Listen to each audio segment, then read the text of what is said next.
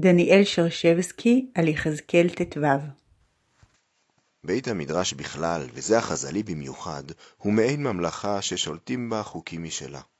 בבית המדרש שולטת היררכיה שונה מהעולם שבחוץ, ויש לו מערכת ערכים משלו. בבית המדרש הערך החשוב ביותר הוא לימוד תורה, והגיבורים הראויים להערצה הם המתמידים. לבית המדרש שפה משלו. לא פעם מילים בעלות משמעות אחת מקבלות משמעות חדשה כשהן מוצבות במרחב הבית מדרשי.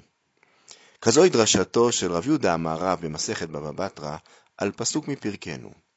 יחזקאל בפסוק ז' מנבא על תושבי ירושלים, ונתתי את פניי בהם, מהאש יצאו, והאש תאכלים. פרשנים יסבירו את הפסוק בהקשר ההיסטורי.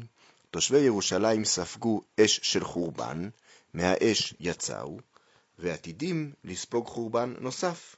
זה הפסוק והאש תאכלם. ומה קורה לפסוק כשהוא נכנס לבית המדרש?